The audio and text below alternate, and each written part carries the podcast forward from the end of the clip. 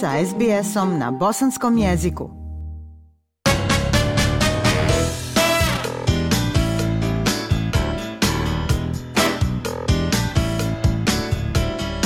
Slušate program SBS radija na bosanskom jeziku. U narednim minutama pokušat ćemo dati odgovor na pitanje treba li Australiji više državnih praznika koji bi bolje odražavali njenu multikulturalnost. To pitanje se postavlja sve više jer zemlja nastavlja bilježiti porast migracije iz neevropskih zemalja. Prilog Toma Kanetija. Pozivi upućeni Australiji da usvoji više različitih državnih praznika naišli su na različite reakcije nekih useljeničkih zajednica. Dok neki vjeruju da je to korak u pravom smjeru, drugi smatraju da taj prijedlog nije primjeren. Istraživač u organizaciji Per Capita Osmond Chiu kaže da bi vlada trebala proglasiti velike proslave kao što su Divali ili Lunarna Nova godina nacionalnim praznicima.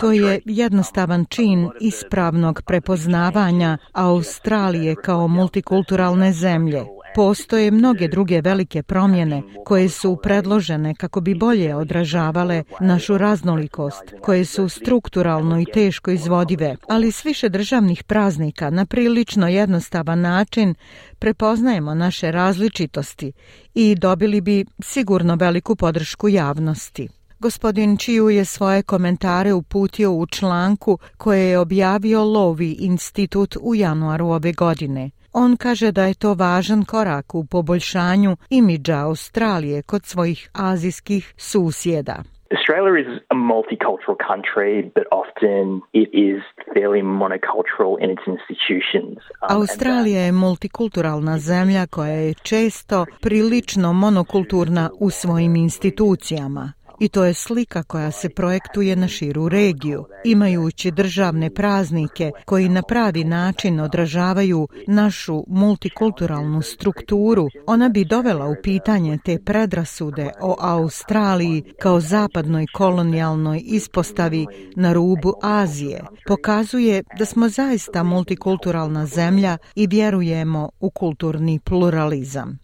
Tokom posljednje dvije decenije slika migracija u Australiju mnogo se promijenila. Počela je prvenstveno sa useljenicima iz Ujedinjenog kraljevstva, a sada su to migranti iz neevropskih zemalja. U prošlom popisu stanovništva koje je proučavalo razdoblje od 2016. do 2021. godine, Indija, Nepal, Kina, Vijetnam i Filipini bili su među prvih pet najčešćih zemalja rođenja među migrantima u Australiji.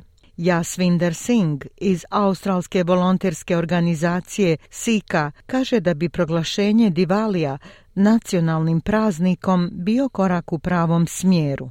Um, I believe it's it's a good idea. Um, it showcases Vjerujem da je to dobra ideja. Ona pokazuje spremnost i prihvatanje australijske šire zajednice da prihvati i slavi multikulturalizam. Vjerujem da je to jedan korak naprijed u tom pravcu. Gospodin Singh kaže da bi alternativa državnom prazniku mogla biti godišnja poruka vlade u kojoj ona odaje počast upućenu zajednicama. State and federal representatives can Državni i savezni predstavnici mogli bi slati pozdravne poruke. Možda nije nužno sazvati praznik, već samo poslati čestitke u kojima priznaju održavanje značajnih festivala i zaželjeti sve najbolje onima koji slave. Vjerujem da bi to bio jedan iskorak u slavljenju multikulturalnosti u Australiji. Ali nisu svi uvjereni da bi veći broj državnih praznika bio dobar potez.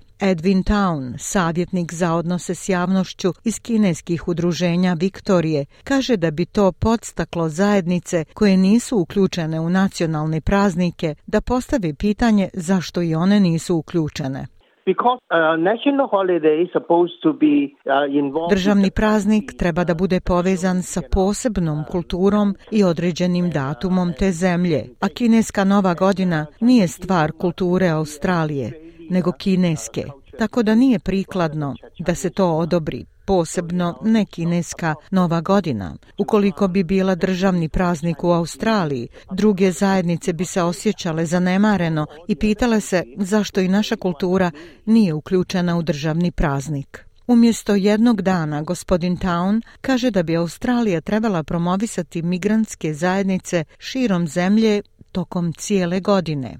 And then we can also, you know, work with various Također možemo sarađivati sa raznim zajednicama, na primjer sa kineskom zajednicom, posebno kao u Bendigu, gdje možemo promovisati zlatnu groznicu, zar ne? Mi smo taj grad prozvali Novi San Francisco. Možemo imati kinesku četvrt i sve ovo. Možemo organizovati lavlji ples i druge tradicionalne plesove i sve to bi dalo podsticaj privlačenju turista u grad kakav je Bendigo, tako da mislim da bismo trebali iskoristiti priliku festivala da pomognemo Australiji, umjesto da samo proširujemo nacionalne praznike na dane kada se ne radi. Lunarna Nova godina ili Kineska Nova godina obilježit će se 22. januara 2023. godine.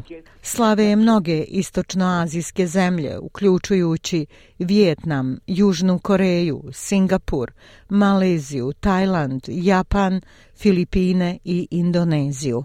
Australija trenutno slavi sedam nacionalnih praznika koji su priznati i prihvaćeni u svim njenim državama i teritorijama.